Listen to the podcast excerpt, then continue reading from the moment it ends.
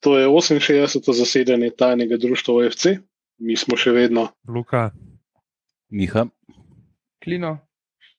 in Cank. V naši družbi, zopet nažalost, virtualni, pa pozdravljamo še enega posebnega gosta, predstavnika, kot smo preučili, tretje generacije, v bistvu novinarjev, športnih navdušencev in nosilca istega lastnega imena, v bistvu.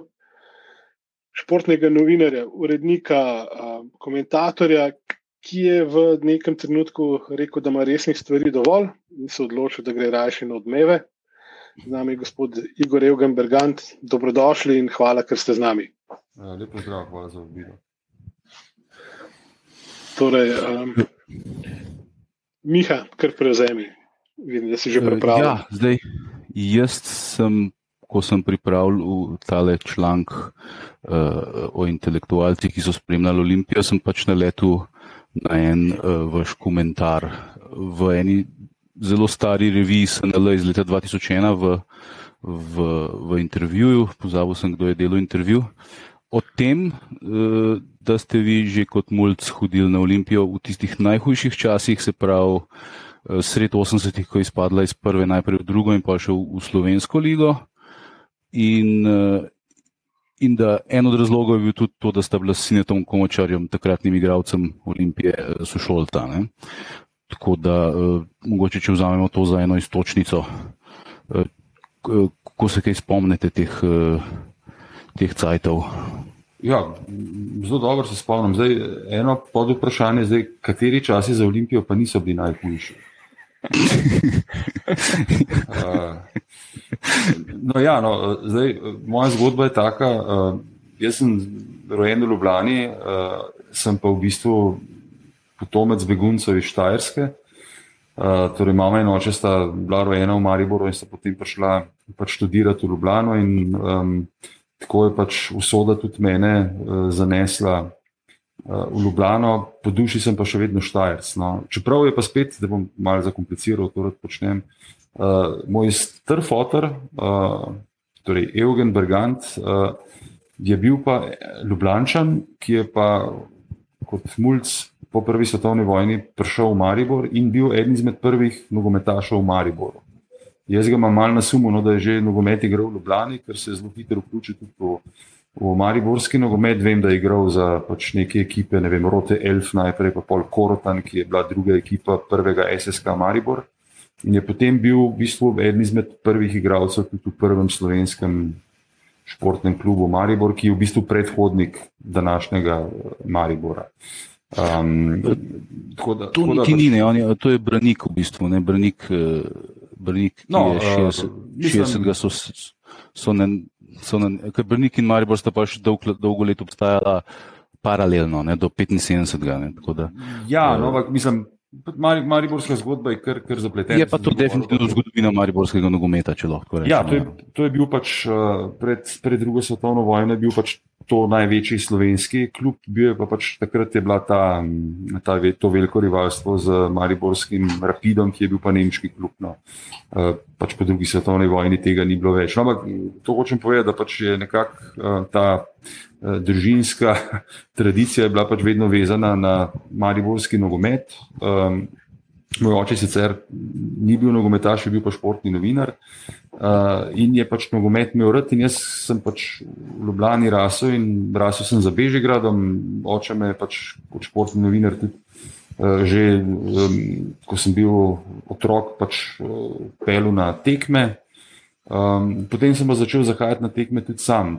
Zanimivo je, no, prva tekma Olimpije, ki se jo spomnim, je bila ta znamenita tekma zadnje kolo uh, prve zvezdne lige leta 76, Olimpija Partizan, to je tista tekma. Aha. In to se recimo zelo dobro spomnim tega, tega sodnikovega podaljška, ki je kar trajal in trajal in trajal. Mislim, Da na koncu smo pa se pogovarjali, da je bil sedem minut, dokler pač Partizan ni dosegel gola, ki mu je prinesel naslov prvaka. In to je recimo prva tekma, ki se jo res živo spomnim. Točno se spomnim, kakšen dan je bil, tak lep sončni dan. Um, spomnim se pač dresov enih drugih. Da No in kasneje pa jasno zaradi Cineta, s katerim smo bila sošolca v osnovni šoli, je stvar postala še toliko bolj zanimiva in takrat je bilo uh, zanimivo hoditi na tekme, ker je bilo zelo malo gledalcev. Um, pač tista tekma, ne glede na to, da je pač srečo Katanc takrat že uh, začel blesteti, tista zadnja sezona v prvi ligi, to je bilo pač eno veliko razočaranje sine, je potem tudi začel uh, igrati. Um, in potem seveda ta propad uh, in, in selitev potem v Slovensko ligo, kjer je pa zanimivo, ne, se pa pač. Uh, z mojim klubom srečala Olimpija, Mariborom, ne, ker pač kot rečeno po tradiciji pač, uh, sem uh, navijač Maribora, pač moram biti. Verjetno prvi in zadnji, ki nastopam v tem podkastu. Um, no, no, in pač, to, potem, to je bilo potem res, res zanimivo no, uh, pač spremljati ta, to neko bivanje Olimpije, ampak je potem pa šlo razmeroma hitro spet, spet gor. No, in, uh, tako v bistvu meni najlepša sezona uh, Olimpije, oziroma meni najljubši sezoni sta pač ta, tista pač v prvi B-ligi, ko se je pač Olimpija uvrstila nazaj, in potem tista prva sezona v, v, spet v prvi ligi. Pač čisto neko drugo moštvo, tudi mlajši igravci, Johnny Novak, Židan, uh, pa te. Mislim, to pač je bilo, bilo res, res uh, zanimivo. Takrat sem tudi že delal. No. In se tudi spomnim, to je bilo takrat, ko so Vojvodino premagali, pač po povratku v prvo ligo. Um, sem delal tudi intervju z Ljukom Petrovičem, ki je bil takrat trener Vojvodine po zmagi Olimpije. To je bilo zelo zanimivo. Ne. Ampak z Olimpijo je bilo vedno težko, no. vedno je bila neka kriza. Te omenil uh, Židana, pa Pateja, um, Pateta v bistvu zanimivo, no, ker ona je ena od igralcev, ki sta meni v, v prvem spominu, ko sem prišel v bistvu dobro v stik z nogometno olimpijo, ampak iz čist enega drugega obdobja, namreč 2005, ko sta prišla pomagati um, Olimpiji pri preboju spet nazaj v prvo ligo. Um. Iz tega lahko izhaja tudi še eno vprašanje. Ne? Če ste sine tako močni, mogoče spremljali tudi takrat, v bistvu, ko je mislim, da je parkrat se, se mu je glih misija končala, pa je prišel pa odigral v tistem povratku iz pete lige nazaj, par tekem, pa potem ga pa spet ni bilo. Ste, ste ga mogoče takrat tudi kaj spremljali? Ali? Eh, ne, dobro, takrat sem ga pač spremljal nekako, kot bi šlo rekel, službeno, ne, ker sem pač ja. pokrival nogomet, seveda eden izmed. Uh, mnogih novinarjev. Mislim, mislim si na tom v bistvu nismo imeli kasneje več stikov. No, takrat, takrat pač nisem bil več uh, osnovnošolc, ne, tako da um, pač, pač ta, ta um, predvsem v 80-ih letih, no, jaz sem pač toliko starejši, takrat sem že v gimnazijo hodil. Um, mislim, pač sine so, da bil ta neka tudi stična točka, ker smo seveda vsi sošolci tudi spremljali to njegovo pot. On je že začel, ne, pač pa je bil zelo betavn mladinc, pač on je bil eden od teh bečejčevih uh, varovancev in to se zelo dobro spomnim, še ko je v osnovno šolo hodil um, so enkrat v športnem pregledu, ne, uh, ki je bil večinoma v srbo-hrvaščini, recimo poročila z olimpijskih tekem so bila pa v slovenščini, to je zanimivo. No, ampak so pa pa Belgrajska televizija za športni pregled pripravila eno, eno reportažo o tej večejčevi ekipi, ne, pač mladeniče Olimpije, ki so tako zelo obetali, ne, in tam je seveda tudi sine naslopil in smo bili vsi zelo ponosni. Edin nekaj je bilo, ne, Ja, pač čist na koncu, zelo dobro spomnim tega prispevka. Um, je pač to novinar rekel, ne, ampak veste, nekaj pa je še posebnega pri tej ekipi Bečejca. Ne. Vsi uh, fanti, ki igrajo pri Olimpiji, so, uh, in pa je pa samo en od igralcev, ne spomnim se več, ker pa še rekel kamero, samo odličnjaki. Zdaj, vsi smo vedeli, da sin ni bil odličnjak v osnovni šoli. Uh, tako da že takrat pač sem ne posumil malo v, v medije v tem smislu, a res se razširijo samo resnico. Uh, no, ampak uh, kakorkoli, no, mislim, mi smo takrat zelo ponosni na njega in on, res, on je bil eden izmed najobetavnejših mladincev, ne samo v Jugoslaviji, ampak tudi v Evropi in imel tudi ogromno tekem za mladinsko uh, jugoslovansko reprezentanco. Res je ogromno obeto, pol se je pač to zlasti s temi epizodami na Hrvaškem. Pač, uh, obrnili drugače, pa je tudi našel neko novo poslanstvo. Spomnim se ga kot igralca Gaja Kočevja, no? tam je igral za Gorico. Ne?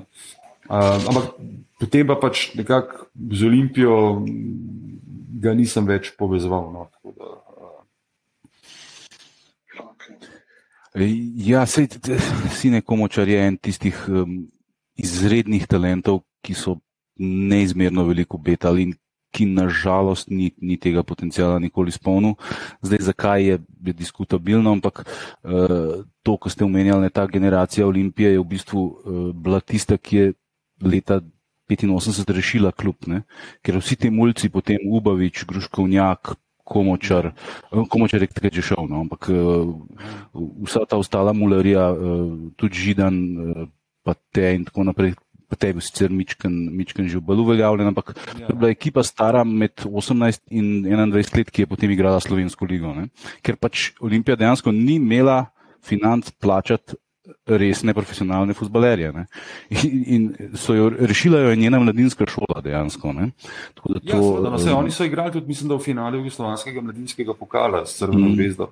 Če se ne motim, mislim, da sem na tisti tekmi tudi bil. Uh, mislim, da, da so igrali pač v Ljubljani, pa v Beogradu, če se ne motim. No, mislim, ja, Olimpija je imela res, res uh, uh, zelo dobre mladince, pač posledica tudi tega dela, tudi Radosa Bečejca, pa, pa tudi drugih, pa seveda tudi drugi. Ne, se, srečo Katanci začel na Ljubljani, Mare Jezne, recimo, uh, konkretno na Slovanu. Mislim, Ljubljana je bila, bila to pač kot navijač Maribora, moram priznati, pač res, res nek. nek uh, zelo pomemben center. Ne. Je pa seveda logično, da so potem ti najboljši igralci odhajali. Sreča je bila, pa za mene sta bila ključna igralca pač tistega časa na obeh bokih, Židan pa, pa Novak. Pa, mislim, da sta tudi, da sta tudi pač v bistvu uh, prenesla ta res nek zelo sodoben nogomet v Ljubljano in, in uh, seveda je bilo zelo veliko dobrih nogometašov, ampak recimo, tako jaz pač to, to neko, recimo, najsvetlejšo fazo Olimpije um, nekako um, povezujem predvsem z njima. No. Ja, ja, takrat, je bila, takrat je bil en, en poseben vzdušje, bil takrat v Ljubljani, prav ta, ta prav nogometen. In res je imela Olimpija takrat zelo svojo ekipo, ne, zelo doma, doma vzgojeno, ampak polje pa so pa vse to prodali. Eh, Židan je šel v Dinamo, Novak je šel v, v, v, v Partizana in tako naprej. Ne, in je razpadla ta ekipa in potem je Olimpija bila manj šepala v zadnjo sezono Jugoslovansko. Pa je itak zgubila svoj trg, če lahko se tako izrazimo, in je, in je itak tudi na nek način svoj smisel izgubila in je začela ker, ker, če, če, če smem, no, ker sem pač seveda že v 70-ih letih Olimpijo spremljal, ne, mislim, Vedno so bili tudi domači slovenski igralci, ki so nekako bili um, vendarle ogrodje ekipe. Ne. Sveda so prehajali drugot, recimo en izmed tako najbolj zvenečih prestopov je bil Mehmed Buza um, iz Čelika, iz Zenice. No. Ampak ne, vedno pač jaz se oblaka in popi vode ne spomnim. Ampak recimo pač seveda se je vse vrtelo okrog Amerška, pa potem obeh Amerškov, pa sta bila recimo bil Um, Tone Rožič, mislim, ki je bil res, res odličen napadalec, pa, pa recimo Jane Zavolča se zelo dobro uh, spomnim, pa potem je bil tudi Darko Domadeni, ki je imel par nekih zelo, zelo dobrih let, ne? pa tudi druge, mislim, na drugih igralnih mestih. Tako da, mislim, je bilo, bilo neko ogrodje ekipe, ki je bilo domače, logično, ne?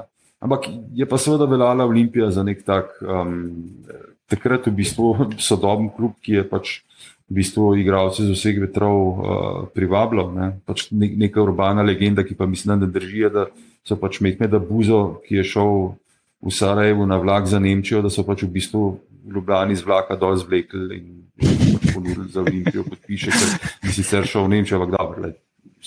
Ampak um, ne, zdaj pa itak vidimo sodobno nogometu. Pa, mislim, v bistvu ti najboljši klubi so vse neke globalne reprezentance, zelo malo klubov ima v bistvu res sploh še igravce, ki, ki izvirajo iz teh mest. Uh, jaz sem zelo velik navijač West Ham United, ampak tudi ta je še zelo, zelo na nek način izjema, ker ima zelo dobro mladinsko šolo, ampak jih je tudi zelo malo.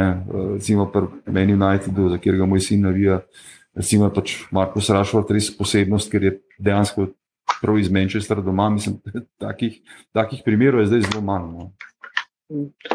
Ker ste omenili da je tudi, tudi osebnostno je takih primerov zelo malo. Ja, sploh pa v Angliji. No.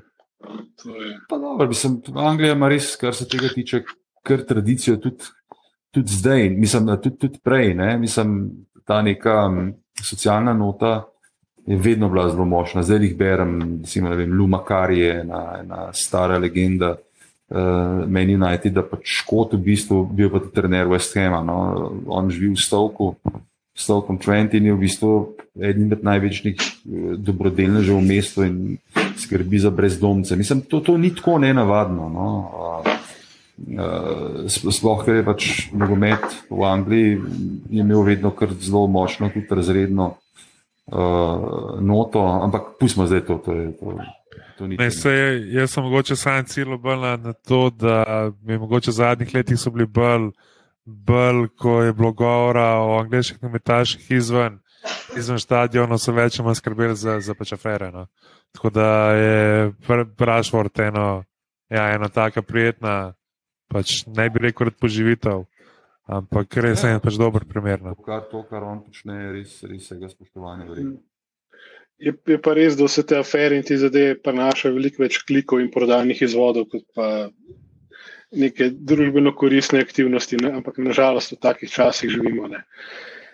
Tudi na kakšnem drugem področju, ne, ne samo na nogometu. Ja, ja, ja. Sej.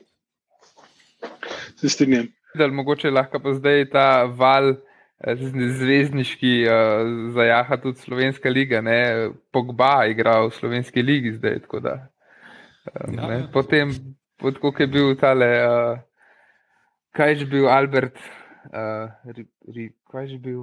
No, Riera. Albe, Riera, ja, Riera, zavrču. Ja, Skauser pa tak klino. No? ja, le, ja, Je, pač je, to. ja. Riera, ja, ta je bil tudi tak zanimiv primer. No, tako da, ja, bomo videli, mogoče se pa da kaj izkoristiti iz tega. Pač res, definitivno škoda, ne bi no. Sicer ne tako odmeven, ker recimo, pa če, jaz sem zrasel v bistvu z angliškim, pa avstrijskim, pa nemškim nogometom, no, tako pač celo življenje ga že spremljam. Ne, to je recimo neprimerljivo s tem, um, ko je pa Mario Kempes prišel v Sankt Pölten. um, igral pač tam v 80-ih letih v Avstriji, to je bila prevelika stvar. Ampak Se- ja, mislim, pogba v Sloveniji, wow, ne, pa, pa kamoranezi, mislim, v Mariboru. ne. Pa, pa da ne bomo podcenjevali, ne sej konc koncev prosinečki v Olimpiji takrat, v bistvu je bil zvezdnik svetovnega nogometa. Ne? Nekako. No, da- seveda, no, no, sej, uh, tle zdaj ne vem, ne vem, ne vem, v kakšnem odnosu ste videli Milana Mandariča. No, uh, ampak recimo tudi, Izredno prijateljsko. tudi, tudi da je, da je recimo Milan Mandarič, uh, kako Ja. se temu reče, Sugar Daddy Olimpije, ne, uh, mislim, je, je v bistvu svetovna stvar. Jaz mislim, da pač, mislim, se treba zavedati, da karkoli si kdo o njegovih dosežkih kot, kot um, prvi človek Olimpije misli. ne. Ampak On je, on je izjemno zanimiva osebnost. Ne vem, a vi veste, da je on bil eden izmed uh, investicijskih pionirjev v Silicijevi dolini. Mm. Mislim, on Ja, je, ni kar se tega tiče, On je res, zaslu, res, zaslužil. Ne? Ja, on je zaslužil že prej, pol je pa to, kar je zaslužil tam. Tam. tam Investiral, uh, ja, jaz recimo skozi pač kolege, ki pač delajo te daljše intervjuje pri nas na televiziji, sem jih spodbujal, da bi pač pogovor z njim naredili, zlasti na to temo, no, ampak se nekako niso ojunačili. No, um, zanimivo je pa to, no, in se mi zdi, da v bistvu Ljubljana in Olimpija vendarle pač bivanje Mandariča tukaj tudi mogoče ni najbolj izkoristila. No. On seveda pač, ne vem, kjerkoli, kjerkoli deloval je na nek način prinesel nekaj pozitivnega, ne, v Angliji, pač Sportsmas, uh, Leicester, pa tudi Sheffield Wednesday. da- Mo- Mogoče skupnost, ne, kot pač mesto, ne, ampak posamezniki so pa hudiševo dobro, nažalost, izkoristili. ne. Ne, Ampak ne to dvomim, je- ne dvomim, ampak govorim pač o mestu, o klubu. Ne. Mm. On, on je tudi vedno rad imel.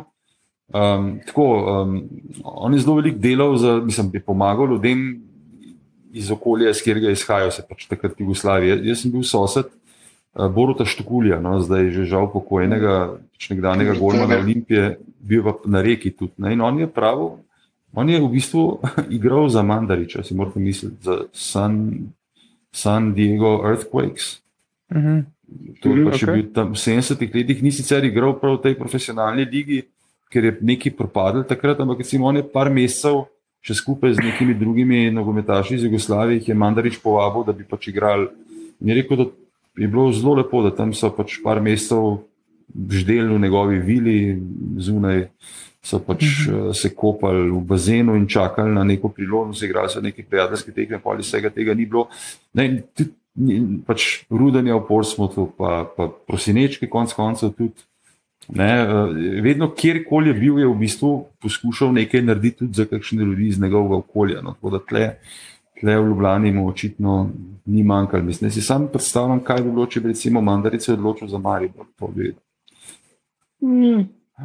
Ja, tudi, je pa tudi Maribor toliko bolj stabilno stoji, ne, da pač iskreno. Da, da ne vem, če bi bilo to neka dodana vrednost. Huda, ne. Organizacijsko bi mu okolje zihar bolj ustrezali, ker tukaj je bil. Pa definitivno. Ja. Na koncu, v bistvu, da je vse vajeti, on mogel imeti v rokah, ker je pač zadeva bila organizirana na ravni vem, ljubiteljskega društva, ki se zbere v nedeljo odbrca na lokalnem travniku. Ampak, ja. Ja, ampak, mislim, ko je on prišel, sem mislil, da to mogoče vendarle nekaj bo. No? Ampak mm. jaz rekel, problemi, problemi mm. Olimpije ali pa nogometa v Ljubljani so seveda precej globi ja. in starejši. No? Še starejši kot Mandarič. Mm. Ja, je pa um, Mandarič, ja, tudi eno od začetnikov, težko rečemo začetnikov nogometa v ZDA, pač ne, nogomet se seveda preigral, ampak uh, on, on je bil zraven prostonavljenih nekih teh uh, lig, uh, ameriških. NSL.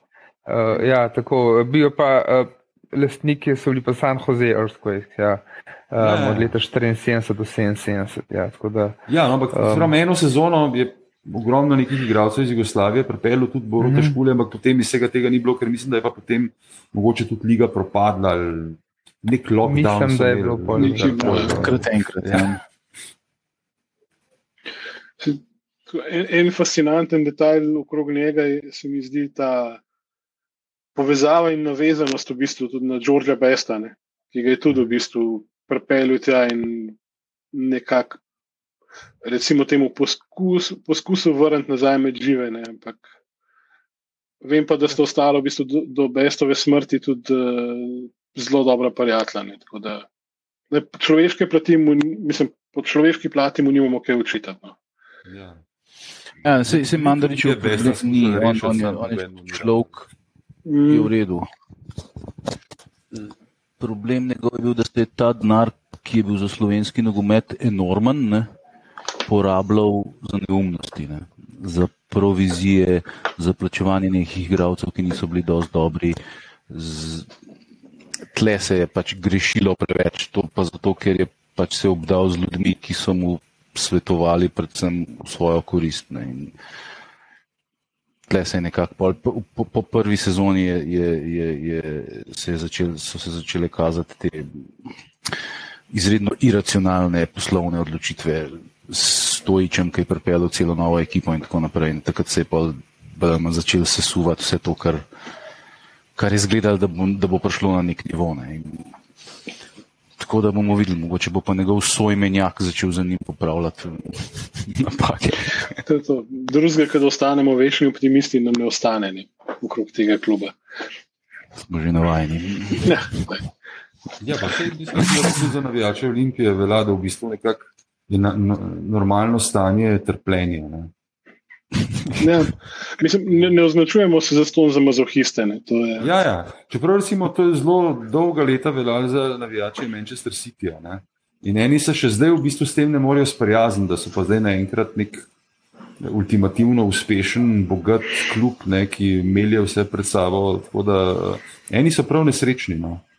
Um, tako da Bog ve, ne, če bo nekoč Olimpija tako, tako uspešna, vprašanje, če se boste lahko na to navadili. Ampak jaz bi rekel, glede na moje preference, ki so zelo jasne, mislim, da tega seveda ne boste doživeli in boste trpeli uh, do konca, ker, ker pač Maribor vendarle, uh, vendarle, kar se tega tiče. Mislim, da ima boljšo perspektivo. V bistvu smo pa zaključili, da smo vsi veseli, če navijači Olimpije trpimo, zato ker mi smo tako navajeni, na to smo ponotranjali navijači Maribora. Tako da ja, win-win, ni problema. Tako, tako, tako. Sam, uh, če, na Twitterju, ali kje, uh, ko ste bili omenjeni, pač v tem Mihatovem članku, ste omenili to razdvojenost v bistvu med Mariborom in Olimpijo. Ne? Ampak tukaj je očitno postalo, da je Maribor krepko bolj v srcu osnovne.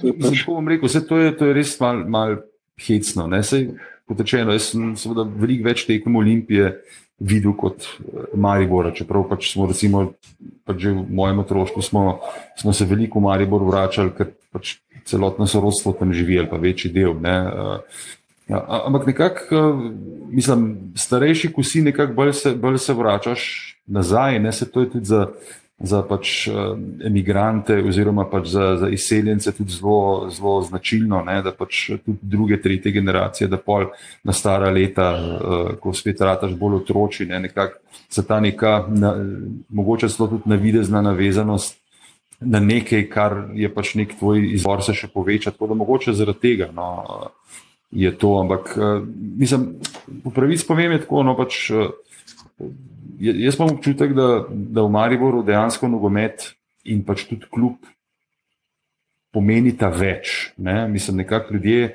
ljudje se bolj srčno s tem identificirajo, ker uh, ne roko na srce imajo tudi manj možnosti kot, kot v Ljubljani. Uh, tudi jih nekako. Um, ta, to, to rivalstvo z, z uh, središčem, z, z pač, uh, to osovraženo prestolnico, jih nekako po koncu drži, ne tako, kot pač trpljenje drži po koncu navijače Olimpije, tako pač navijače Maribora drži po koncu to, da pač morajo pokazati uh, prestolnici. Ne, Kdo je ta glavni v nogometu, ta, ta motiv je zelo močen.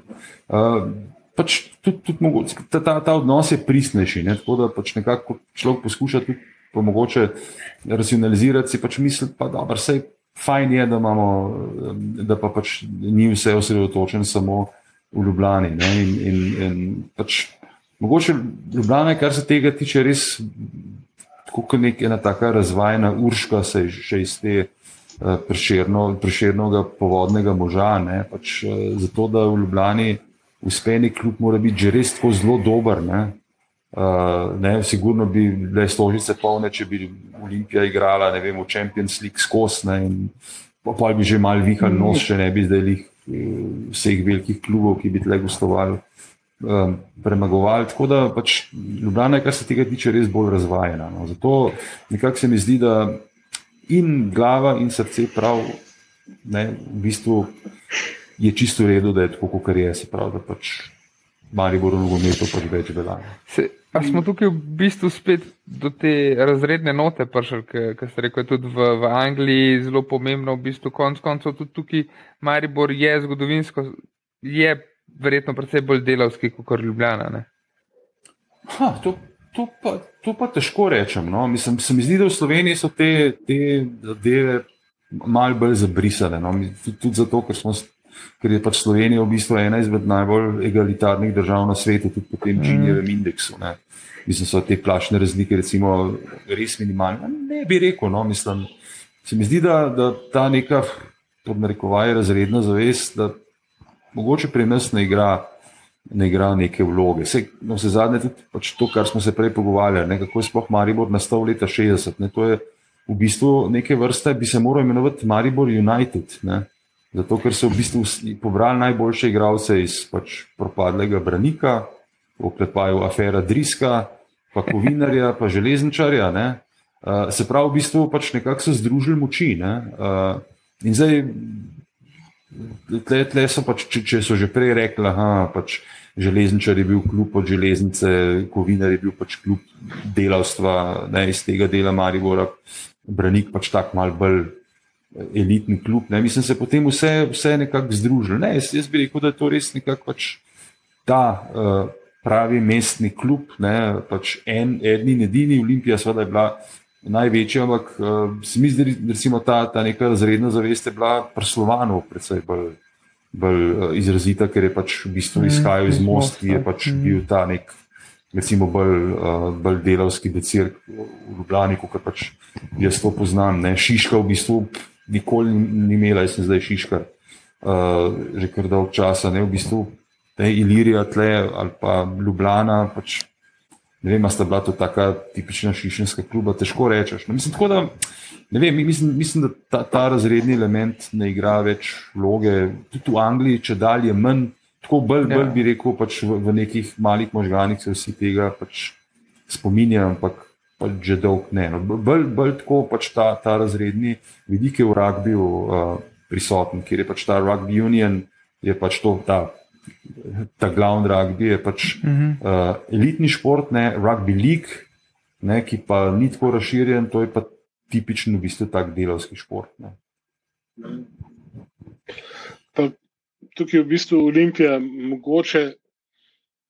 Že vem, z, z unicim okrog osamosvojitve, pa igranjem Jugo lige ali Slovenske lige, da je nekako začela kopati in prepadne ker res niti, ni manjka ta povezava, oziroma potem je z leti se prepad samo še širil, ko so bili dolgovi, pa vse živo, pa štrajki, pa uno in tretje. Ne. Na mestu, da bi bil kljub tisto nekako lepilo, Malta, ki v bistvu nekako povezuje vse skupaj, ne. smo bili na koncu pač taki norci, ne, kot smo. Mi, in, uh, ki si želimo, pač, da bi to nekako bilo tako, kot je v razvitem svetu, da je da kljub ni samo pač klub, ki tam obstaja, zato da bo neke transferje delal, pa da se bo kdo koristil tega, ampak da je to nek gradnik družbe, kot se spodobine. Ali je mogoče pač dejansko ogledalo ljubljanske družbe to, da je stanje tako, kot je ene? Je... Jaz bi rekel prej to drugo, no? ker vse zadnje, če, če smo zelo, ne, mislim, vse s košarko se je nekaj podobnega zgodilo. Ne? Uh, s hokejem na nek način tudi. Ne. Uh, Dej, recimo, jaz sem kot otrok tudi, tudi hodil zelo veliko na košarko, pa, pa na hokej, hokej mogoče malo manj. Um, mislim, tako, no, te, kot rečeno, ta, ta povezava se recimo v Mariboru predvsem bolj čutko kot v Ljubljani. To je, to je dejstvo. Uh, pač, mogoče tudi zato, ker tudi klubske strukture nikoli niso znale v Ljubljani pač brenkati na to.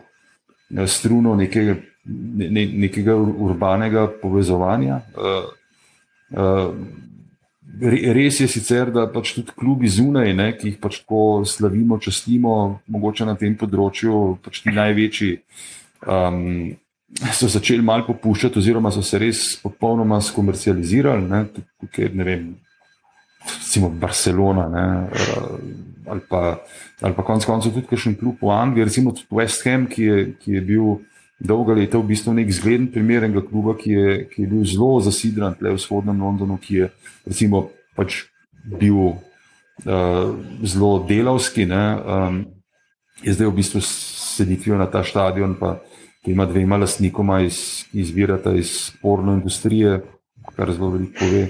Uh, ne, mislim, je, je, je zgubo to. Ne. Recimo en klub, to je pa moj ta drug klub v tujini, za katerega že dolga leta tudi navijam. Uh, recimo, to je pa tipičen primer enega kluba, to je pa FC St. Paulis, ta drug klub iz Hamburga. To, to se mi zdi, pa mogoče. Prvi klub iz Hamburga, prosim. Mislim, to tudi jaz mislim, uh, ampak, ampak mislim, to je recimo klub, ki, ki je pa res, ki pa v bistvu sicer mogoče zdaj že kar poskuša komercialno izkoristiti to, to, da je pač v bistvu vse oni imajo pač to geslo, da so, da so v bistvu odštekani že od leta 1910. Ne. Uh, ne, v bistvu to svojo alternativnost, to svojo res upetost, prav ta del mesta, ki je dosti poseben v Hamburgu. Uh, mislim, oni res zelo veliko delajo za, za okoljem, iz katerega izhajajo. Pač. Eh, spodbujajo tudi to pač in solidarnost, in na nek način tudi nek pozitiven lokal patriotizem napram pač gospodskemu uh, Hamburger Sportvereinu, uh, ki je pač klub tega bogatega uh, Hamburga. Ne, to, to recimo tak klub, ne, uh, če bi recimo to v Ljubljani uspel, ne, bi to bilo res, res zlata vredno. Sam mislim, da Um, zato nimamo v bistvu niti, tradicije, verjetno tudi ne nekega pravega koncepta, pa še zlasti ne. Jaz mislim, da ljudi, ki bi, ki bi bili pripravljeni v to smer uh, delati. Mislim, sam Pavle, kar se tega tiče, res, uh, res, res nekaj posebnega in res občudovanja vrednega. Lahko rečem samo glede tega, da upam, upam, da bomo v relativno kratkem času videli, če je kaj na tem. No. Več, več, več pa ne bom zdaj rekel. Bomo šli na en izlet. Ja. Ne, glede, uh, ne glede St. Pavle, glede Ljubljana. Aha, okay. Ja, okay, Za St. No. Pavle gremo, na Milan Tor gremo pa le, čim nam ja. dovolijo. Ja, ne. Ne, razlika med Olimpijo in Mariborom. Jaz, recimo, sem, ko sem začel Olimpijo spremljati leta tam okoli 90, ne, ko je bil ta prehod v Jugoligo, takrat je bil usip uh, gledalstva izreden. Ne. Takrat je Olimpija zgubila, bolj ali manj cela Slovenija je navijala za ta klub, ko se je pa znašel v slovenskem okolju, je pa nenadoma uh, bil brendiran kot srpski, tuji, jugoslovanski klub, ki igra proti našim klenim naklancem in tako naprej. Uh, in tle, tle, tle, tle je bil en presek, ki, od katerega se Olimpija v bistvu nikoli ni pobrala. Čeprav zdaj, ko smo se začeli pa ukvarjati eh, z Olimpijo malo bolj konkretno v, v okviru tega podcasta, pa te, pa te spletne strani, pa, pa že s to našo knjigo, ki jo pa samo že pet let, uh, sem pa jaz ugotovil, da je Olimpija dejansko vse slovenski klub ne? in da je vedno bila in da te tradicije v bistvu ni nikoli izgubila. Jaz poznam osebno ogromno enih ljudi, ki živijo v Kopru, Novi Gorici, v Trebnem, Novem mestu, Kranju, Mariboru, Slovenskih konicah, Murski soboti, ki, ki so veliki navijači Olimpije. In, in to nekateri med njimi tudi zelo mladi ljudje, tako da ne moreš to obesiti na Jugoslovansko ligo in to tradicijo. E, medtem ko Maribor pa pač neguje ta svoj lokal patriotizem, ki meni deluje včasih precej histerično, precej tako, da, da, da te identificira res samo to, ne?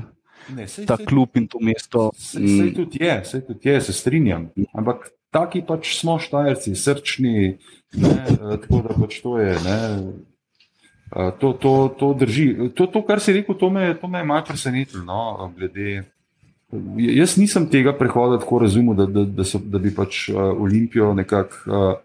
Uh, da, da bi Olimpiji tam leta 91 oduzeli to slovensko identiteto. Jaz, jaz sem na to gledal popolnoma drugače. Pač enostavno bila je najboljši klub, tudi na začetku je pač seveda harala ne, po ligi pokalu, ne, ker prvi pokal ni zmagoval, si bil Maribor. Uh, ampak, ampak, uh, Ampak eh, bolj pač ne, vsi so pač hoteli to olimpijo premagati in ta olimpija se je zdela tako nedosegljiva, nepremagljiva, da, da je pač to, to bil. Ampak eh, jaz se recimo spomnim ravno v tem obdobju, ko smo se pogovarjali, tam v začetku 80-ih let, ko je pač. Um, ne, to, to, ko je Olimpija začela padati, čeprav ne, se je pojavil Mare Elzner, pa, pa potem tudi srečo Katanc. Ne, uh, recimo, to je bilo zelo tipično to si vi, ker ste pač predvsej mlajši, ne, sploh ne znate predstavljati. Tekmi Olimpije za Bežigradom so v Jugoslovanski ligi izgledale tako pač te običajne tekme ne, proti tej veliki četverici. Ne. Na južni tribuni je bilo vedno več gledalcev. To so bili pač um, ljudje, ki so delali v Sloveniji, so bili doma iz drugih republik in so prišli gledati svoj klub, ki gostuje pri Olimpiji. In ta južna tribuna je bila vedno zelo lepo napolnjena in ljudje so tudi navijali. Ne? Severna tribuna, ta nasprotna za Bežigradom, kjer so bili kao navijači Olimpije, ne? tam ni bilo nobenega organiziranega navijanja. Tam ni bilo mogoče ena, dve zastavi, če jaz sem imel eno, belo, zeleno, prosim. Uh, Ampak tam, tam ni bilo nobenega navijanja in vedno v bistvu se je ta klub, ki je igral za Bežigradom, gostoval, počutil bolj doma. In jaz se spomnim prav, Uh, pač jaz sem hodil pol na to severno tribuno in ljudje so pač tam bolj gudrnjali, pač kako Olimpija spet igra, pa nimajo pojma. Pa kaj, in pol je enkrat en začel, je začel stati, pa se je začel dreti, Olimpija, Olimpija. Ne? In to je počel ene 20 sekund sam, edini, na kar se je obrnil ne? in se je začel dreti na druge gledalce, ki smo tam sedeli. In je rekel, pa kaj z vami ljudje? Ne? Jaz sem prišel iz Murske sobote, sem prišel na to tekmo, da jo vidim. Ne? Jaz navijam za Olimpijo, vi ste tukaj iz Ljubljane, prišli ste pet minut stran, pa noben tudi pisne, ne, ne nekaj v tem smislu, pač gore, pa prek morske. In to je bilo zelo tipično za tiš čas. Ne. Potem šele tam, jaz bi rekel, ravno po tej kalvariji uh, z drugo slovensko in pa spet drugo ligo se je tudi ta, ta navijaška um, kulisa začela organizirati. Ne. In je bila recimo že tam konec 80-ih zelo, zelo razvita, ampak prej tega sploh ni bilo. Ne. To je bilo mogoče tam po fotografijah, so reč 60-ih, 70-ih letih, pa je pa to recimo zelo padlo. In, in um, pač to pol tudi vidiš, seveda po celi Sloveniji so se ljubitelji nogometa identificirali s Slovenijo, ampak pač zelo malih je pa pač hodil na tekme, ker je takrat to bilo uh, težje. In še tisti, ki so šli, so bili v bistvu nad anemičnostjo lokalnega ljubljanskega prebivalstva pač um, včasih precej šokirani. Um, ampak. Ja, ja, to, to nekako so, sovpada z, z to krivuljo Olimpije, ki je v 60. in 70. je bil nek tak blazen uspon in so bili stadioni polni in so bila vzdušja baje izredna, kot pravijo ljudje, ki so v 60. recimo ja. hodili na, na tekme. Začetek 80. je bila pa že ta kriza uh, gospodarska, tudi ljudje so se tudi, načeloma je bil en tak čuden čas. Uh, tudi eh, politično je, je, je, se je začelo vse zelo zaostrovati in futbol je bil pač en od teh um, aspektov jugoslovanske družbe, ki, ga, ki so ga slovenci blazno povezovali pač z jugom in manj kot identifikacijo, identifikacijo slovenstva. Ne. In tle to se je poznalo. Pa, ne. v 80-ta so bila že precej podobna 90-im v tem. Ne. Čeprav ne vsi, ne, tle je pač vedno bil, ne, ker ste pač ravno o tem pisali, pač del tudi te neke intelektualne elite je bil vedno zelo za nogomet. Uh, pač en del, seveda, ne, ki je bil pač na nek način tudi uh, vedno precej nešportna, ampak bil je pač ta nek športno navdušen del uh, intelektualne elite, ki je pač tudi nogomet podpiral. To, to je res, uh, ampak pač. Je bil pa mogoče glede tega v, v manjšini. No, ampak se pa potem spomnim, no, ko je pa recimo prav tiste sezone, tisto zadnjo sezono v drugi ligi, ko je po Olimpiji šlo dobro, Uh, je pa so bile pa to res zanimive tekme, ker prihajajo tudi 10, tam, 10, 11, 12, 13 tisoč gledalcev v drugi slovanski ligi. Sam to je tipično za Ljubljano. Ne? Ko so pojo rezultati, pol pa naenkrat začnejo ljudje prihajati. Uh, to, to, sicer vidim to recimo tudi v Mariboru, že je nekako že mogoče zapaziti. To, ne, kar je pač verjetno povezano tudi s tem, da si ljudje pač enostavno ne morejo več niti prvošati pač na, na vsako tekmo. Ne, uh, ampak Dana je bila, kar se tega tiče, vedno tudi zelo, zelo razvajena. Je ravno ta manjko, pač neke substance zadnji, tistega neki več. Ne, bo, imel za posledico to, da tudi v prihodnje, da bo ob uspehi bo šlo gor, pa bo se zgodila dve tekme, pa gre spet dol krivulje. Mi smo spet prsino sojidi razpoloženje olimpijskega navijača.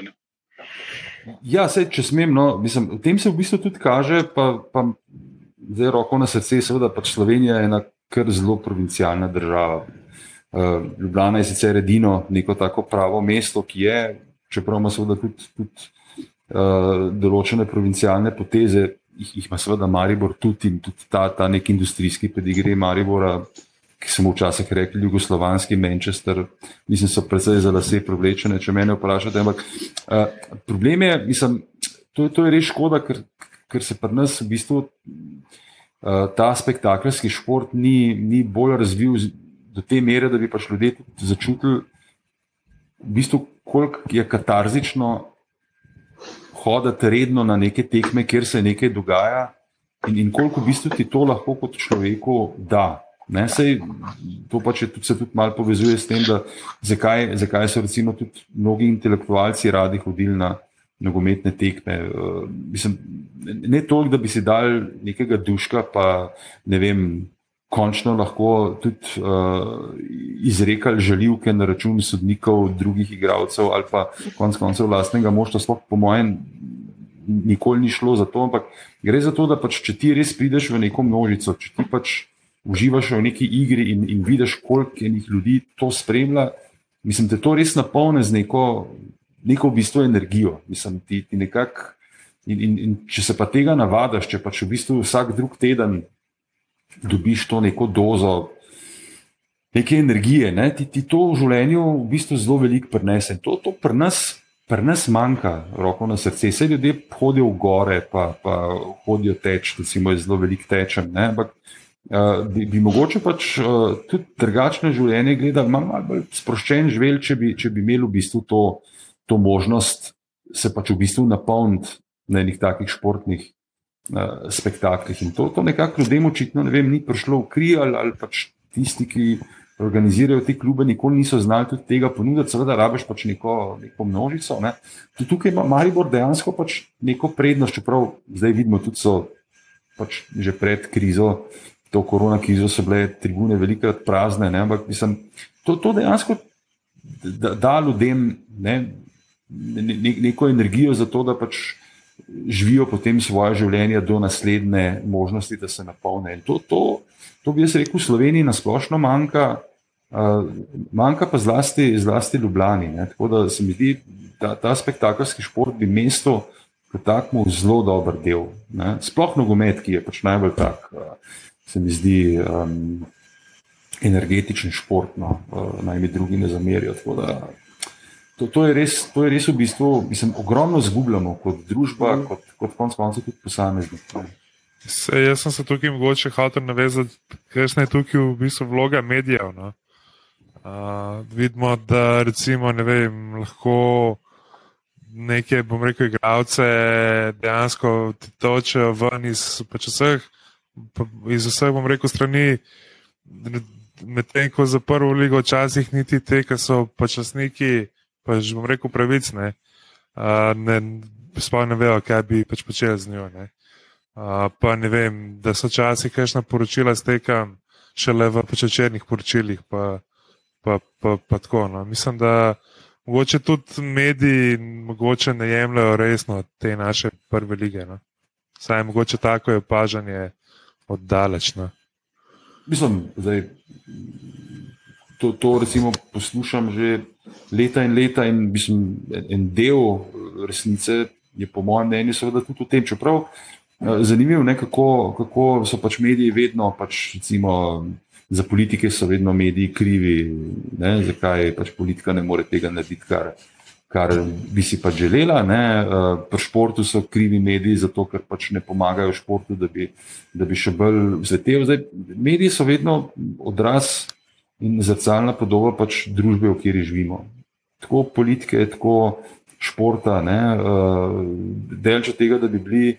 Idealni pač eh, so, so tudi na tržišču poskušajo preživeti, poskušajo pa dobro. Zdaj, RTV Slovenija ima pač neko drugačno poslanstvo ali pa, ali pa vlogo, to, to je res. Ampak eh, jaz mislim, da je problem, problem mislim, poleg tega je tudi pričakovati od medijev, da bodo v bistvu oni določene agende tako forsirali, da bi te pač uh, zaradi tega bile uh, v družbi tudi uspešne. Jaz rekel, ne, jaz mislim, da, da pač izvor, izvirni uh, ne greh, ampak pač uh, neka izvirna ideja in strategija, in konec koncev tudi taktika, mora izhajati iz, iz potreb ljudi in seveda konec koncev tudi kluba, ki hoče na ta način uspeti, ali pa pač konec koncev uh, lige. Sprav, kaj, kaj narediti za to, da bi pač čim več ljudi. Prihajali na tekme, da bi prihajali redno, in da bi prihajali, v bistvu, ne glede na rezultat. Ne? To se mi zdi zelo, uh, zelo pomembno. To, to mislim, da niti ni toliko od medijev uh, odvisno, kot, kot dejansko od tega, kaj, kaj pač. Uh, Lahko ali pa kakšna ideja ima nekdo, ki bi pač rad, da bi ljudje prišli, uh, kaj pač ljudem ponuditi, zato da bi pač res bili pripravljeni priti. To, to ja, res... jaz, jaz, jaz mislim, da morajo v osnovi najprej pač, pač deležniki. Ne? in ja. zveza, in liga, in klubi pač svoje narediti. In potem, če bo pač oni pač svoje naredili, bo tudi, seveda, podpora iz pač medijev. Pašla. Sej, mogoče, kakšni so pa tudi, ne vem, vaši spomini. No? Sej, mislim, da smo se glih prej pač pogovarjali, da je celo, celo na pamet, tvoje prvo tekmo, ki ste komentirali. No? No, ne vem, če je to prvo tekmo, prvo tekmo, ki se jo jaz spomnim. ja. uh, svetovno prvenstvo 94, uh, Maroko proti ne vem komu. uh, ste bil vi komentator, to se jaz prvič spomnim. Uh, uh, je pa seveda možno, da, da ste že prej futbol komentirali, uživa to, to pa ne vem. Moje, pač moje spomini so sicer bolj vezani takrat na, na smutanje, še z pokojnim, v bistvu crkovnikom. Mm. Ampak ja, pač, v bistvu, kako ste, bom rekel, takrat gledali ali pa pač dojemali. No? Uh, pa, ali pa mogoče takrat, pa v pač primerjavi zdaj, recimo z časom, za, za danes, kjer niso več tako peti v samo športno novinarstvo. Ne? Mislim, da takrat so bili pomisleki tudi na pravem vlogi medijev zelo podobni kot so zdaj. Uh, namreč, ja, kako je možno, da pač športnih poročil ne začenjamo z nogometom, ampak začenjamo vem, z veslanjem ali pa smučanjem ali, ali pa ne vem kaj. Zdaj, Slovenija, kar se tega tiče, bila, bila seveda nekaj posebnega, vedno, ker je pač šport zelo razvit in ker In to se meni v neki družbi ne zdi sploh zelo problematično, da pač tudi znamo ceniti neke uspehe iz nekih podnarekovaj manjših športov. Recimo tudi ta, ta en uh, intervju z enim s tem Buljevičem, no, ki je bil trener uh, Ljubljane pred vojne, ne vem, kdo od vas je to prevajal uh, za spletno stran. Ja, ne, to je bilo izjemno zanimivo, ker vidiš, da so v bistvu ti neki predsotki uh, v bistvu obstajajo že takrat. Ne že takrat smo se v bistvu trudili, da bi, da bi dal nogometu pač neko, neko mesto, da bi pač poskušali tudi in za produkcijo prenosov, in, in pač z nekimi pristopi, uh, da, da bi poskušali uh, nekako privabiti ljudi na stadione zlasti. Uh, jaz se spomnim, recimo, ker sem tam v začetku 90-ih let sem enkrat vodil ena poročila, športna in, in sem pač pred derbijem Maribor Olimpija. Ne, in mislim, da sem celo sam pobarval neki dve jajci, ne, uh, rumeno, vijolčasto, pa zeleno, belo. Mislim, mislim, poskušali smo marsikaj, da je seveda bi človek lahko rekel na nek precej um, preprost ali pa, ali pa naivn. Način, nekaj časa je celo, celo kazal, da, pač, da se bo nekaj zgodil. Mislim, šlo je vedno v valovih. Um, mislim, dolg časa je bila problem uh, infrastruktura, ne, pač tudi kdo bi šel na neke stadione, kjer obstaja velika verjetnost, da te bo voda zalila, ali, ali so bili tam sred nekih pol. Ne. Potem se je na tem področju nekaj začelo spremenjati, pa spet.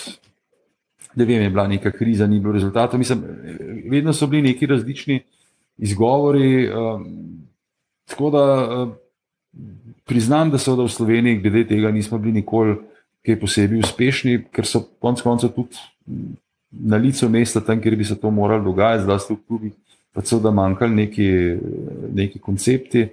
Ali je bilo pa to precej neuravnoteženo, nekje so jih pač imeli, recimo v Mariboru, druge jih niso imeli.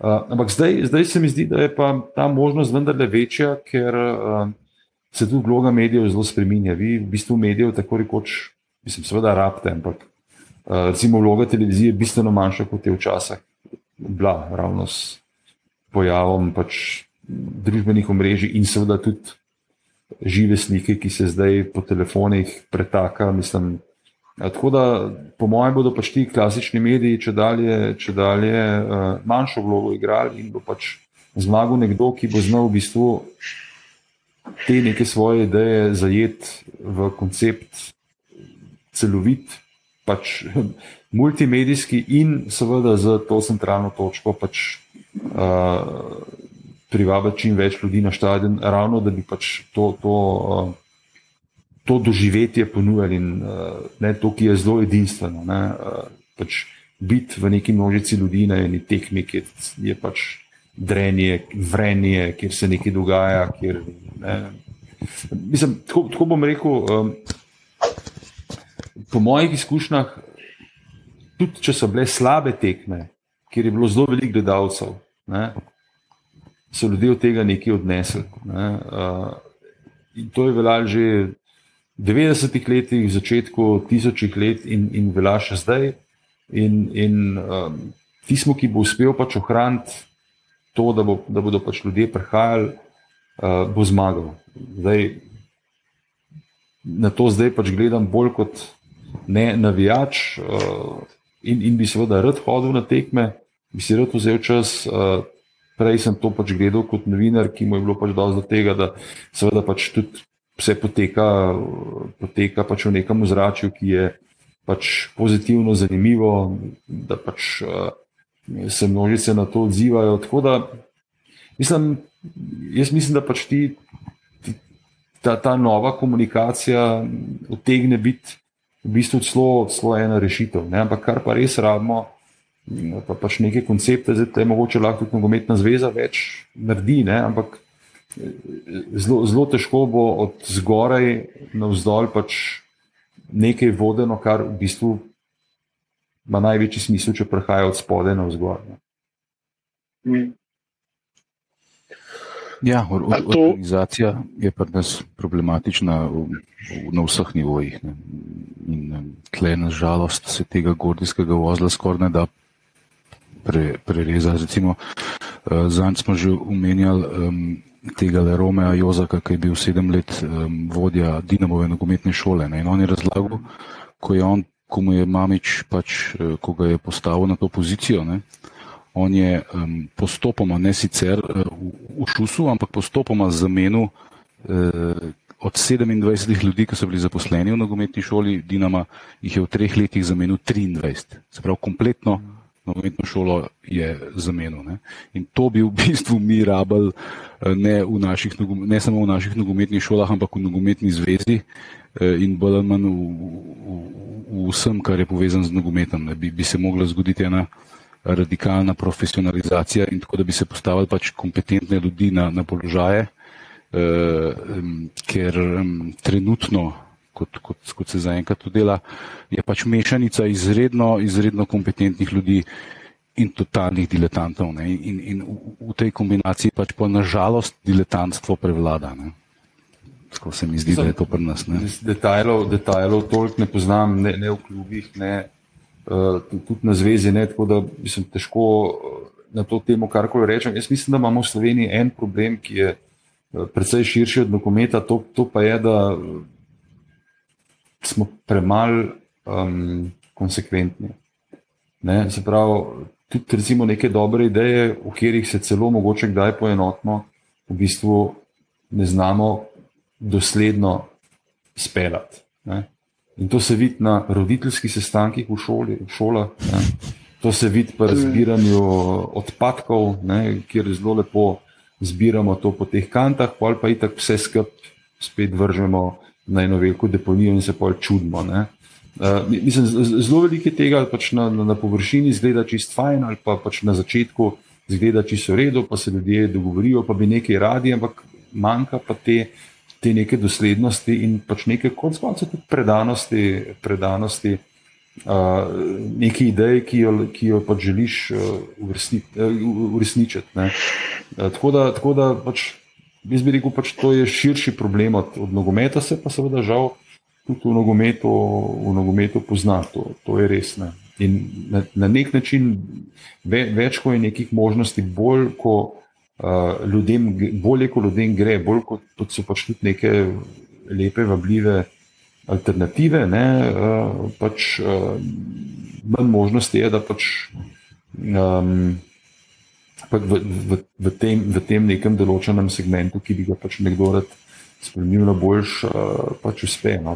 Da, um, tukaj je izzivov, zlasti za nogomet, kar veliko, ampak pač kot rečeno, so pa zelo dobri primeri, zlasti iz tujine, kjer, kjer se je to, kot rečeno, Sankt Pavli, kar se kluba tiče, recimo, absolutno uh, res, res vzorčen primer. Uh, Zanesljivo najboljši, kar ga poznam, zdaj pri reprezentancah ali pa pri pač neki podobi nogometa. Pa, vem, jaz zelo občudujem pač to, kar je Islandcem uspel. Vem, kakšna topovska hrana so še bili v času, ko je za njih igral tudi en, v bistvu, Ljubljančan, ne, to veste, Izudin Dervič. Okay. Je bil Aha, en. en igral na Islandiji ali celo za reprezentanco? Za islandsko reprezentanco je igral, on je posloval, je bil en obetavni igralec. Uh, ja, se na Olimpiji tudi. Ja. V Olimpiji je bil zelo malo časa. No. Pol pa, ker, ker pa ne vem, pol ni mogel tle ostati, ali ne vem, ko je bila pač ta vojna, je šel na Islandijo in potem enkrat Jaz na televiziji smo dobili pač, vem, tekma Islandija, Rusija ne? in so še izpisali postavo Islandije, ne vem, tata son, tata son, tata son, tata son, tata son, dervič, tata son, tata son. Sami soni, edino mes je bil pač izudin, dadi, ko ga kličejo dervič, zdaj tam živi. No? Da, Wow. Recimo, oni, oni, so, oni so uspeli uspel res um, v bistvu narediti nek preporod. Ok, njih je, koliko je 350 tisoč, se pravi, malo več ljubljene. Uh, pa seveda tudi njihovi klubi, ki posebej uspešni niso, to tudi res, ampak uh, mislim, da se, da se marsikaj spremeniti. No. Če, če pač veš, kaj hočeš in če imaš koncept, in predvsem, no, to se mi zdi ključno, če si dosleden. Na koncu koncev, če si dosleden, ti tudi kakšen diletant več ne more stvari pokvariti.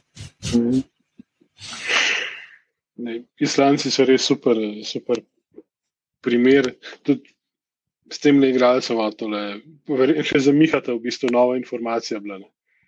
Um, vem, da njihova zveza, če, kako je že rekel, uh, tale mojster iz marketinga, ki ima še ta rebranding, uh, da imajo 12 zaposlenih na zvezi. Ne, ne uštevši pač trenerje in to, ne, ampak 12 ljudi ne, in handlajo te zadeve. Drugače pa bivši športni direktor Maribora najbolj povedal ne, za Ljubljano. Ne. Da je tukaj tak enormen potencial, da se ga sploh ne zavedamo. In če bi to en znal izkoristiti, bi bilo res. Vse, v bistvu je rekel, da vsi razen ljudi v Ljubljani se zavedajo, pa v bistvu vsi razen ljudi v klubu po Ljubljani se pa zavedajo, pač, kaj imajo. Ne. S tem se jaz absolutno strinjam, eh, pri čemer se pač samo uh, nasmiham, ne? ker seveda, dokler v Ljubljani ne bo do tega pogrunkal, ne bo Maribor šampion. Eno trenutno je cele šampion, ne, tako da bo Ja, treba še malo počakati. Zato, ker se mi nismo mogli zmeniti, kdo bo lepo. Če- Čeprav je spet, kot je vsaka zgodba, ima, ne, ko smo pri uh, veličastnosti islamskega nogometa. Ne, West Ham United je skoraj potopil prejšnji lastnik, ki je bil nek islamc.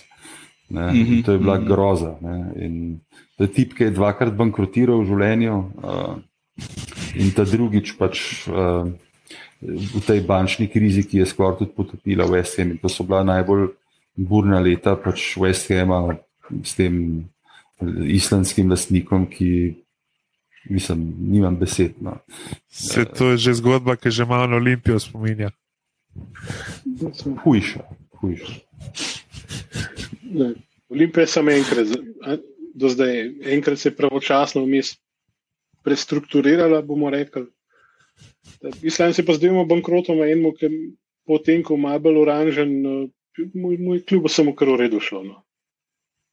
Ja, v bistvu jaz imam še eno vprašanje. Ne? No, no. Mogoče bi se vrnil malo na te, pač še mogoče še vaše pač komentatorske čase, uh, ki ste bili gost pri Tomiču v pač aparatusu. ne.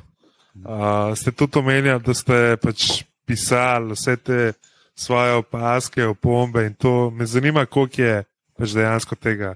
Oziroma, je tega več za, za smučanje ali je tega več za pač nogomet? Za kot uh, v bistvu pripravo na, Ja, na, na komentiranje. Mislim, uh, teh, teh zapiskov seveda nimam več, to, tega sem se vsega rešil, ko, ko sem pač šel iz športa ven, ker so to bile gore in gore papirja in je bilo treba pač reciklirati. Ne. Uh, um, potem pa kasneje sem to poskušal pač to tudi um, si nekako računalniško urejevati. Um, priprave za nogomet so bile vedno teže, ker pač nogomet predvsej bolj nepredvidljiv šport. Ne, uh, smušanje je pač nek linearen šport, kjer pač uh, nastopajo po nekem vrstnem redu, ne, vse je pač zelo predvidljivo, medtem ko pač pri nogometu je pa ta, um, ta nepredvidljivost toliko, toliko večja. Mislim, jaz sem se vedno zelo resno pripravljal, pa seveda sčasoma pa to rado tudi problem v tem smislu, da a, jaz sem še začel delati in že takrat sem tudi nogomet delal, ko v bistvu je bila odlika reporterjev ta, da je pač imel več informacij kot gledalci, ki, ki gledajo nek prenos. Ne? In si ti lahko pač pod, pod narekovaj zablestev, ker si pač ne vem o nekem igralcu vedel nek detajl ali pa neko, ne, neko stvar, ki je pač bila relevantna, ki je nek poprečen gledalec ni vedel. Ne. Zdaj, potem, pol, ko, ko sem počasi zaključoval pač ta športni del svojega novinarstva, ne, se, so se pa stvari že obrnile z internetom. Ne, smo v bistvu prenašali tekme za fene, ki, ki so precej več vedeli od nas. In zdaj, recimo, se mi zdi, res ne zavidam tega kolegom, ki zdaj komentirajo. Ne? Ker zdaj, če ti, če ti gledaš neko tekmo avstrijske lige, si predstavljam, da te pač mora avstrijska liga zanimati. Ne? In potem ti verjetno o Wolfsbergu, pa o rezervnem vratarju Wolfsberga, veš več kot nekdo, ki ti pač to tekmo komentira, ker pač zakaj bi pa sicer gledal tekmo Wolfsberga. Ne? Uh, tako da, um, in tudi, recimo, pač so neki določeni fani, jaz, recimo, ki pač res spremljam uh, West Ham skozi. In recimo, tudi to je nekaj, kar je bilo včasih, ko sem začel za ta klub navijati, leta 75, nepredstavljivo, da si bil hvaležen za vsak nek droben zapis, ki si ga v Hamu pač nekje lahko prebral enkrat na mesec. Ne ali pa kaj je kaj po radiju, po BBC-u na srednjih valovih. Ne. Zdaj lahko se tekme doma gledaš, mislim, to je nepredstavljivo. In, ne, in je prav, prav ne navadno, ko pač gledaš tekme West Hema in, in se pa zelo tež, da si misliš, pa, kako pa da ta tega ne ve. Ali, ali, ne, mislim, hočem povedati, to je zdaj res, res teže in si ta trenutek sploh ne znam predstavljati, kako bi si pač uredil neko pripravo pripravo za nogometni prenos, če bi še delal, ampak ga seveda na veliko srečo gledalk in gledalcev ne bom delal več. Ne. Uh, uh, ampak uh, tako da to je rato res, res kar problem v teh časih. Uh, je bilo to seveda bistveno lažje. Ampak imeli, imeli smo neke zvezke, to je bila pač bolj Milovanovičeva šola, uh, ne, kjer smo si pač vedno zapisvali in si lahko vedno tudi neko pripravo za nazaj preveril. Ne, ampak jaz moram reči, da na končal se je tako, da nisem imel več zvezkov, ampak pač nekaj takrat čez zelo težke laptope in ogromno uh, neke literature in izrezkov in, in, in revij in, in pač nekih podatkov, ki sem potem poskušal pač na tekme črpati in to je bilo res težaško delo. Jaz, recimo, moj kavček za prenos, recimo, presmučen je imel sigurno 10 do 12 kil in za nogomet pa tudi približno tako. Potem pač začel to neki z laptopom, ampak takrat internet ni, ni še tako bil zelo razvit, tako da je bilo kar, kar težko. No. Ampak na nek način pa tudi nisem hotel v neki papirni ali pa materialni obliki uh, ohraniti stvari za nazaj, ker mislim, nima smisla. To, kar je mogoče vredno, mi je ostalo v spominu, drugo pa brez vede nimate arhivističnih vzgibov. Mislim, uh, tako, zanima me brskanje po zgodovini, zanima me brskanje po arhivih, ampak takih bolj, bolj relevantnih po možnosti, ki niso moje. No.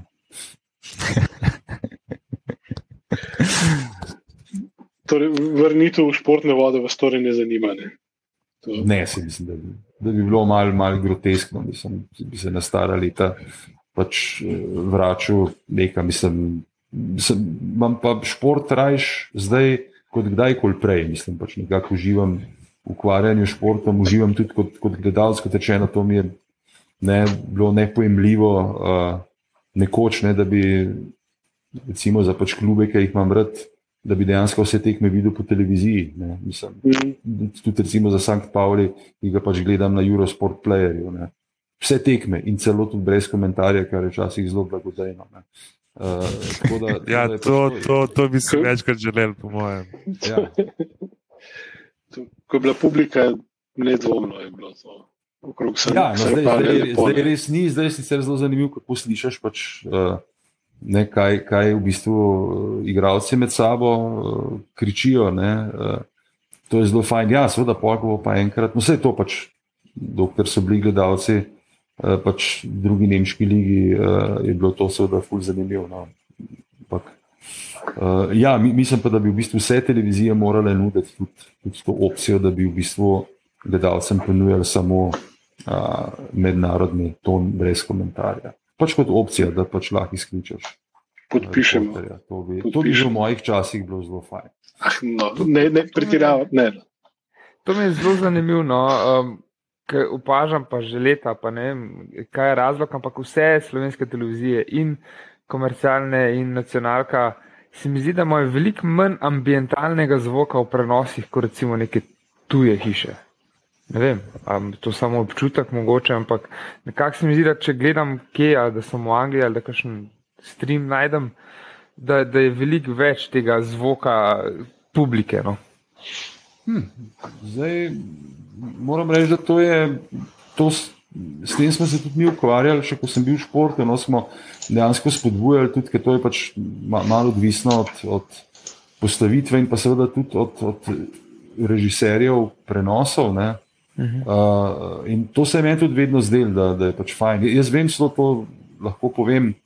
Recimo, kako sem jaz hotel narediti slovensko ligo bolj zanimivo. Uh, uh -huh. Še tam v tistih prvih letih, uh, ki smo pač objavljali gole z kakšnih tekem. In vem, da prav v spominu vam bila ena tekma v Ajdovščini med Primorjem in, in Muro, ko je Fabijan Cipot, takrat je bil še zelo mlad in obetaven foto od Kaja Cipota, uh, mhm. eh, mi grede, ne, je dal en fenomenalen gol na tej tekmi. Uh, ne vem, kdaj je to bilo, pač tam v 90-ih letih. In meni se je pač zdel res škoda, pač tisti stadion v Ajdovščini, pa v bistvu sam ta ena, ta prava tribuna, kjer so bile ta kamere, bled, tako da pač nekako stadion je res zelo prazen zgledov in noč in seveda pač par tistih gledalcev, ki je uskliknil, ko je pač Cipo dal gol za, za goste. Ne. In sem rekel, ne, bom jaz naredil nekaj drugega. In sem vzel zvok iz ene tekme iz Old Trafforda. Ne? In sem ga pač položil na, na, na to tekmo, ne pač gol. Ne? In sem to, to potem tudi večkrat počel. Ne? Redki so opazili, uh, ampak meni se je pa ful dobro zdel, ker je vsaj nekako si imel neko boljšo zvočno kuliso. Ja. Človek bi se vprašal, kje pa zdaj vsi ti gledalci, to je ta pač tih 60, ne vem, koliko je imel takrat tisoč uh, kapacitet, Old Trafford, zdaj ima 75 tisoč. Uh, kje pa so vsi ti gledalci, ki za to uh, kuliso skrbijo, ampak fajn se je pa slišal. No. Uh, Tako da sem tudi mislil, da zdaj, ko je ta korona kriza, vse nekje imajo v bistvu te gledalce, spuščajo zvok, ne? nekje imajo prav te mhm. neke DJ-je, ki to, ki to ravnajo, da je v drugi nemški ligi zanesljivo, ne? v Angliji nekje imajo, nekje nimajo. Uh, sem mislil, da se bodo več s tem, več s tem igrali, ne? ampak dobro, zdaj pač čist, čist fejkat se, se ne da. No? Tako da tudi to je bil en moj skromen poskus, da bi da bi vsaj zvočno kuliso slovenske lige že v 90-ih letih izboljšali. Evo. Pa se v bistvu nekako ni, ni posrečen. Najbolj ampak izgolj je bil pa res. Ni se pa del, ja. Ampak... ja se, to, to, to rivalstvo mora biti zdravo. Jaz vem, da ko, ko je Arsenal imel še priprave tam v, v Avstriji, pa smo šli, najbolj sem se razumel z violami. Smo se ne vem, ne vem, kako je Arsenal tam rado tako popularen, ampak so bili v večini, ne, ampak smo se pač tisto zdravo prcanje. Ne. Mi smo imeli lizeta, oni so imeli, zikar je bila kakšna kriza, mi pa smo se tako malo dajali. Smo en teden pod isto streho preživeli, smo bili taki kolegi, da ni zagovortne. Ne, len... mislim, sej, kot, kot bi jaz rekel, ne pač drug drugega hranimo. Ne. Tako, uh, tako mislim, dejansko pač ta, ta neka leta brez olimpije ne, so bila v bistvu res smešna. Ne, in, in pač, kot rečeno, Maribor se je tako zelo fokusira na, to, da je pač prvi v državi in boljši od olimpije. Ne, zdaj olimpija tudi trap nekaj. Ne, uh, tako da mislim, pač neka rivalstva so, so zelo v redu. Ne, uh, uh, problem je, če je to seveda destruktivno in to seveda To pa absolutno tudi rečem, je bilo zelo veliko tudi z mariborske strani, ker je, ker je pač to kontraproduktivno. Ne? Ampak, um, ampak se pravi, pač, mene je pač pol, poleg te družinske tradicije in pač tega, um, se mi zdi res iskreno, mislim, da pač je v Mariboru pač ta, ta nek koncept nogometa vendarle bližji nečemu, kar pač naj bi bilo. Ne. Ljudem v bistvu ni vse en. Še recimo moje tete, ki so že kar precej nad, nad 80 let, pač njih zanima Maribor. Mislim, on, one vejo za Tavaresa, pa vejo da je bil pač nekoč nek Zahovič in tako. Ne? Kaj pa recimo, kakšne stare tetke v Ljubljani, da je vejo, je Vombergar ali eh, kaj je z Vukušičem, ne vem, če vejo. Mm. No, Kakšne že, kakšne že skrbim. To, to je v Ljubljani to plamen, ki vse čas tli, ravno toliko, da ne ugasne, ne pa, ko pridejo rezultati. Pa vse smo že rekli. Naenkrat zaživi v polnem sjaju, pa spet nazaj po starem. Prej je Igor omenil, ne, da Olimpija pomarja rabta in drugega. Pač samo eni derbi, že od tekme proti, bom rekel, tom žalam, Kopru in pač podobnim ekipam, pač žal niso derbi. Ne. Pa če so, se še tako trudimo označiti ja, za derbije. So, so tehme, ki so pa zanimive, derbije pa samo eden. No. Uh, ja, se strinjam. Ja. Uh, tukaj tudi, pa ne mogoče, niti televizijski, mogoče, mogoče pač pisoči mediji. No. Zdaj, počasih tudi vse žive, pač krilatice, pa pač ljubljanski derbi, pa derbi kotline, pa, pa pač derbi ne vem česa. Pač v Sloveniji je pač derbi samo eden, to je Maribor Olimpija in pač to je to.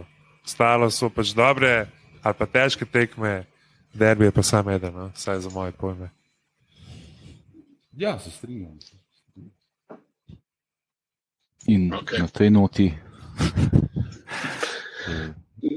Zaključimo z upanjem, da pri Gorju le vzbudimo pač tudi tisto zeleno kri, da, bo, da ga prepričamo, da le je vreden tudi ta klub, malo več pozornosti in ljubezni. Um, res, najlepša hvala za, za tole. Ne, sej, da, ne, da ne bo nesporazuma, jaz imam zeleno kri, ker seveda barva Štajerske je zelena. No? Sej, evo, spet smo pri, tako, tako, to je dejstvo. To je dejstvo. Tudi, seveda, pač eh, deželna zastava Štajerske, ki je zdaj pa samo avstrijska Štajerska, je seveda jasno belo-zelena. In Štajer je bil vedno zelen, tudi spodnja Štajerska. To, to se mi zdi no, res neka zanimiva zgodba o, o tem škotu, ki je bil v Ljubljani leta um, 13, ne, ki je bila tista tekma. To je bil nek Johnny Madden, ki je bil nek igralec uh, Celtica ki je um, pol, recimo, bil med drugim tudi pomočnik trenerja pri Tottenhamu, pa tako naprej. Pač po cel, celi Veliki Britaniji je, je pač ti mali klubi. Kolobaru, na kar uh, je pa, pa je z nekim trikom uh, postal, ja, in je Celticom gostoval po češki, pa mačarski, mislim, da tam 1904. Oh. Pa je pa z nekim trikom. V bistvu so iskali Slavija, Praga, um, enega trenerja in se je on v bistvu, mislim, nategnil jih je. Oni so enega drugega iskali in, in mislim, ne, neka fulhecna zgodba. In je on pol v Prago prišel leta 1905 in je pol bil v bistvu, mislim, da 25 let trener Slavije, tudi v tistem času.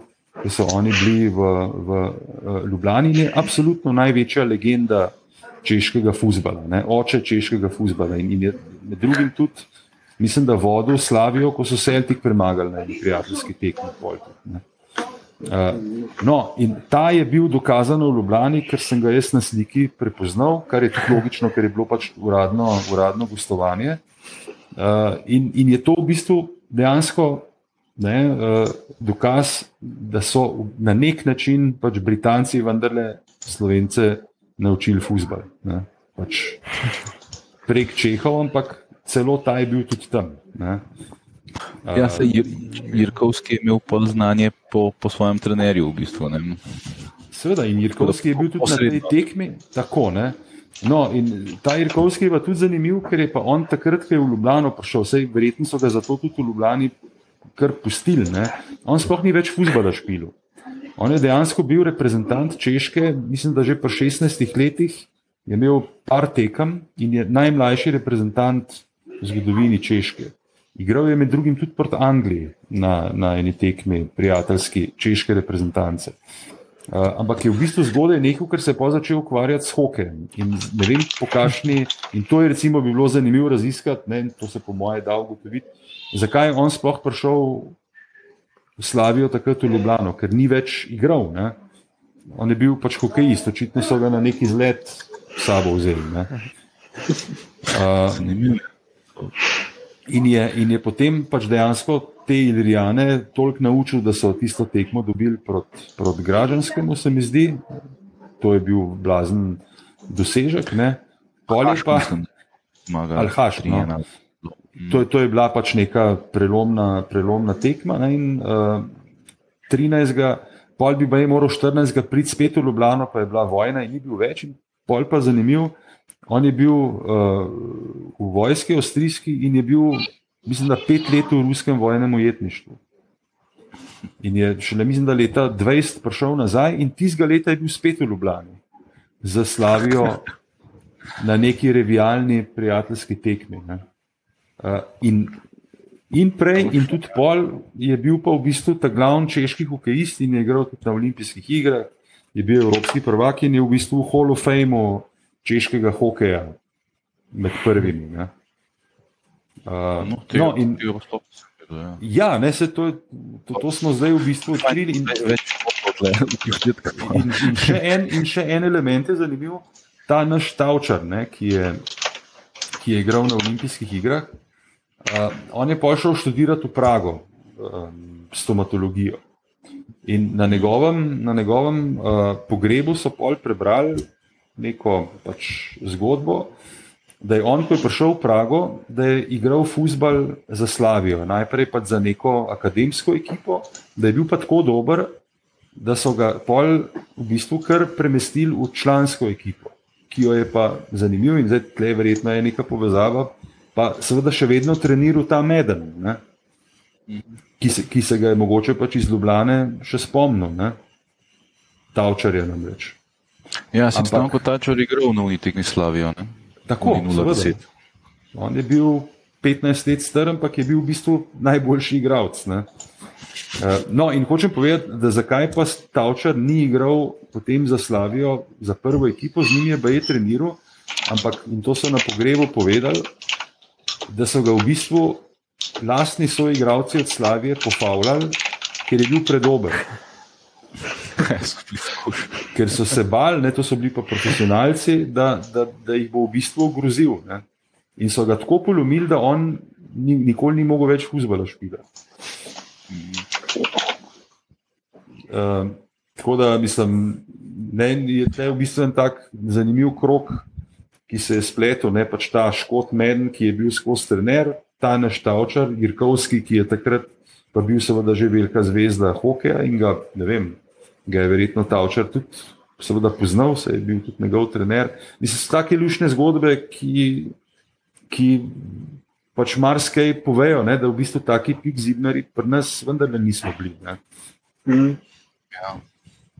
No, vse tako kot je Klino omenil, ne, definitivno, če je to v, v pač pisani obliki, a, bomo zelo veseli. No, če se boste. Ja, ampak uh, hočem povedati, da tudi tle, jaz tega cajta niti nimam, veš, mislim, navezati s ko- s komi Slavije, ne, ker recimo to so tudi neki, neki detajli, ki jih mogoče tudi oni ne poznajo. Ne.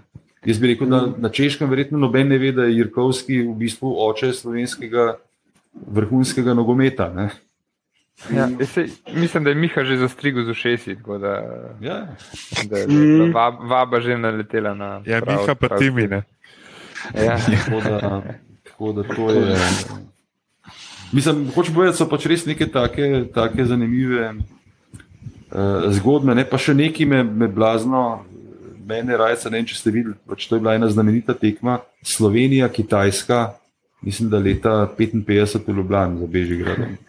56, ja. Tekma, ki je, kjer je Slovenija to zmagala. Ne? Mislim, zanimivo, kako 5:2, pač je ta neka slovenska reprezentanca skozi pomalem funkcionirala. Ne? In zdaj, kaj so to za eni Kitajci, bili so pa seveda Maovi, ne? mislim, niso bili kakšni Tajvan ali Makao ali kaj takega, mislim, ta pravi so bili. Ne? Uh, mislim, zakaj so ti takrat prišli v Slovenijo in kaj so pač hoteli. Mislim, To, to sem jaz članek pisal za nogomanijo o tem. Ja. Oni so bili v bistvu olimpijska reprezentanca, ki so se pripravljali za, za olimpijske igre, eh, mislim, da v Avstraliji. ja, Uh, 56. in so ja. pa prišli na turnejo v Jugoslavijo in so igrali v Beogradu, v Sarajevu, pa v Ljubljani neke prijateljske tekme. Um, Potem, so, potem, so se pa, potem se je pa Ljudska republika skregala z ne vem kom in je potegnila svoje, vse svoje športnike iz olimpijskih iger, tako da ta reprezentanca olimpijska potem ni nikoli igrala na olimpijskih igrah Kitajska takrat. Ne. Ni Kitajska. Ja. Takih stvari je v našem futbolu ogromno, se, se zato je, je, je, je tako zanimivo jih, jih tudi izbrskati. Hvala, ker ste prisluhnili najnovejšemu zasedanju tajnega društva OFC. Zelo bom vesel vsakega komentarja, vseh ocen, še posebej pa v aplikaciji Apple Podcasts. Sicer nas pa najdete posod na vseh državnih omrežjih, Twitterju, Facebooku, na Instagramu kot Afna tajno društvo OFC in pa tudi na spletni strani enotnost.si. Če vam je všeč, kar počnemo, nas lahko na spletni strani tudi podprete. In pa najlepša hvala vsem, ki ste nas že podprli. Um, tako da, dajte se nam javiti um, in nam dajte novega zagona za dodatne epizode.